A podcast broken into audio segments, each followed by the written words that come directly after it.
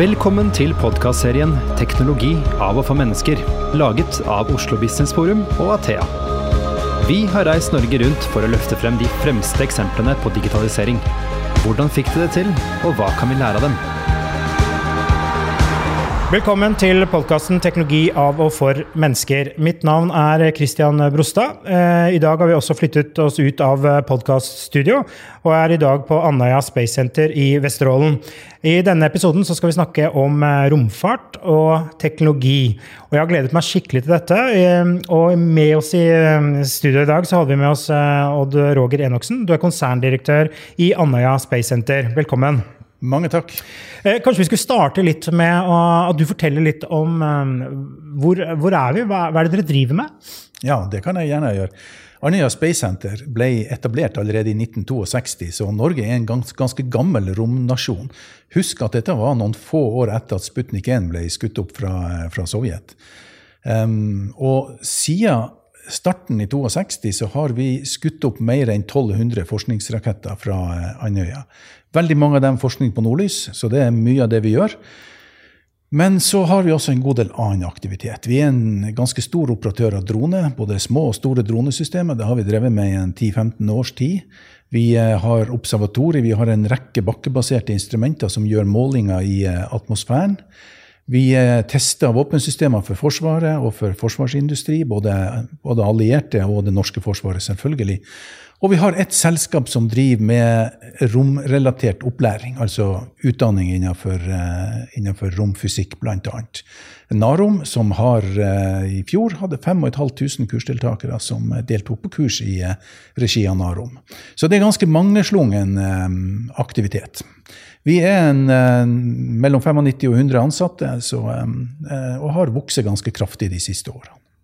Og så går det jo en historie da, om at dere holdt på å utløse tredje verdenskrig på midten av 90-tallet.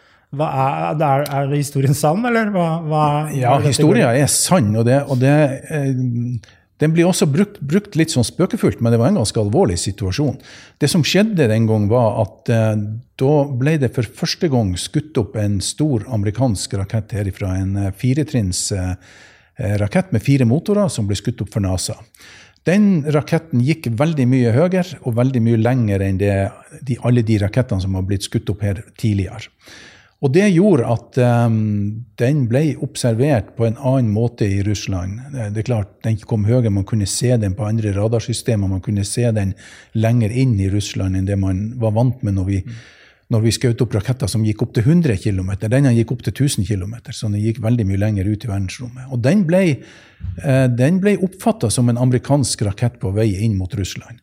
Sannheten er jo at den raketten landa akkurat der den skulle, nord for Svalbard. Um, og det var i så måte ingen krisesituasjon. Uh, alt gikk som uh, forutsatt.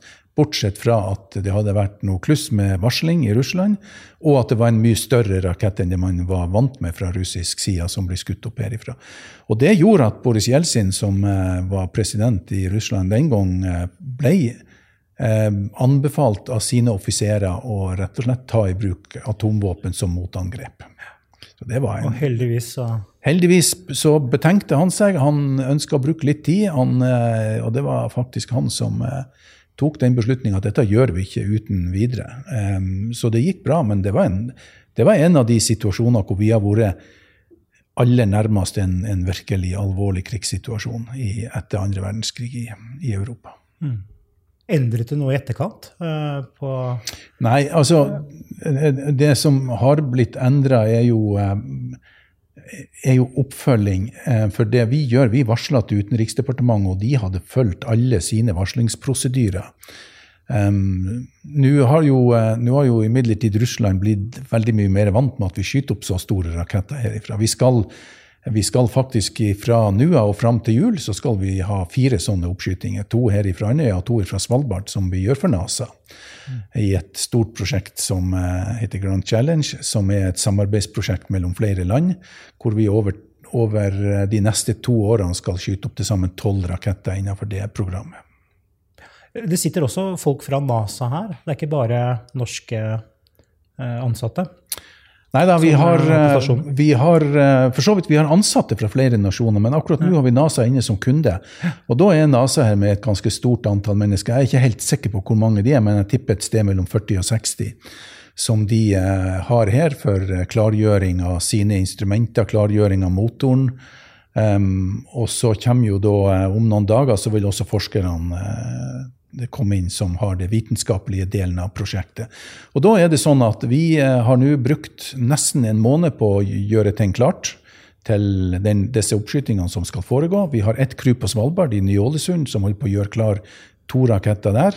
Og så har vi ett gjeng her som eh, gjør klar de to rakettene som skal skytes herifra. Og så er første mulige dag som oppskytinga kan finne sted, er 4. desember. Siste dag er 18. desember, og i den perioden så skal forskerne treffe det vitenskapelige fenomenet som de er ute etter på disse fire rakettene, som er litt, eh, litt ulike ting. Så da blir det døgning? Da, Ja, nesten. 14 dager. Ja, nesten. Nesten det. Eh, Vi prøver jo å Nei, altså, det, det er begrensa til ei tid i um, noen timer på døgnet hvor den selve oppskytinga finner sted. For forberedelsen før vi kan være klar til oppskyting, er gjerne tre til fire timer. Det er mange prosedyrer som man skal eh, gå gjennom um, før man kan gjennomføre en sånn oppskyting. Vi skal være sikre på at det ikke er båter eller fly, og at alt av instrumenter fungerer som det skal. At det ikke er for mye vind. eller eh, ja, Det er mange ting som skal tas hensyn til. Mm. Hvis du skulle liksom nevne de to-tre viktigste forskningsprosjektene dere jobber med nå, hva er det? Ja, akkurat nå så er veldig mye av det vi gjør, går på, eh, er knytta til, eh, eh, til sol-jord-problematikken og presis navigasjon. Det er jo sånn at jo lenger nord man kommer, eller jo lenger sør man kommer, jo større avvik har man f.eks. på GPS. Og det skyldes forstyrrelser inn i, det, inn i cuspen, altså det åpninga i magnetfeltet inn mot jorda, som gjør at man f.eks. over Nordpolen så har man eh, nesten ikke GPS-signal. Så mye av det som gjøres nå, bl.a. fra Universitetet i Oslo, det går på eh, å lære mer om eh, om påvirkninga eller interaksjon mellom sol og jord, og den betydning som det har for livet på jorda, rett og slett. Og så gjøres det fremdeles veldig mye nordlysforskning. Det, det, mye av dette er jo knytta til nordlys, naturlig nok. Um, og det var jo starten på det hele. Så, så uh, i disse 55 årene vi har hatt vitenskapelig aktivitet på Andøya, så er veldig mye av det, det knytta til nordlysforskning. Eh, Og i løpet av de 55 årene så har det jo også uh, vært en rivende teknologisk utvikling, regner jeg med?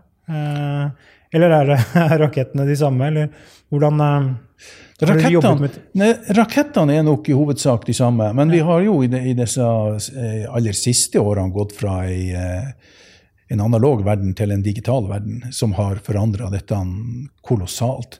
Og, og det er jo noe av grunnen til at man fremdeles eh, har uoppdaga ting, og hvor man fremdeles gjør nye oppdagelser. Det er jo at instrumentene er i stand til å Altså, vi kan, gjøre, vi kan, vi kan laste ned betydelig større datamengder.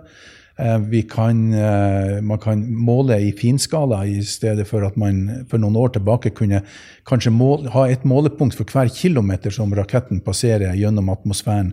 Så kan man nå måle på finskala, altså på meteroppløsning. og Det gjør at man får langt mer vitenskapelig data og kan, gå, og kan gjøre ny banebrytende forskning pga. ny teknologi. Um, Er det eh, På alle områder i samfunnet så snakker vi om en grønnere utvikling, på en måte. Eh, Rammer det også på en måte, eller påvirker det også eh, dere på noen måte? Ja, det gjør det i aller høyeste grad. Um, vi eh, gjennomførte nettopp oppskyting av en, eh, av en eh, rakett for Nammo på Raufoss, som har utvikla hybridteknologi, som er det mest miljøvennlige rakettdrivstoffet som finnes i dag. Vellykka oppskyting, og, og den viste jo at de faktisk har nådd målet sitt om å klare å lage en tilnærma grønn eh, rakett. Og det tror jeg det vil komme til å bli mer viktigere og viktigere i framtida. At også denne sektoren, både i forhold til rakettmotorer, hva slags type drivstoff som brukes, både i satellitter og i raketter, kommer til å bli en stadig viktigere diskusjon i en, eh, i en tid hvor det å ta klima og miljø på alvor bare blir viktigere. Men grønn rakett, betyr det bare drivstoffet, eller betyr det de materialene raketten er laget av, eller hva betyr det? Ja, der har man jo noen begrensninger, men det er jo hovedsakelig drivstoff da, som, ja. er, som er utfordringa, og som uh, det der uh, utviklinga går. Mm. Uh, dere gjør jo en del uh, forskning og uh, anvender en del teknologi kanskje som ikke resten av samfunnet sånn umiddelbart har nytte av. Da. Men er det noe dere gjør på en måte som vi får gleden av, vi vanlige folk? på noen måte? Ja, det vil jeg jo absolutt si. Altså, den rakettforskninga som vi gjør, Eh, er jo i aller høyeste grad Riktignok er det grunnforskning, men det er jo i aller høyeste grad noe som forhåpentligvis i neste omgang blir nyttig. Altså Klarer vi å lære mer om virkninger, på navigasjon f.eks., sånn at den kan bli mer presis, så har det betydning i forhold til luftfart, i forhold til skipsfart. Eh, hovedsakelig, for dette er jo i arktiske områder, hvor eh, først og fremst skipsfart vil ha nytte av det.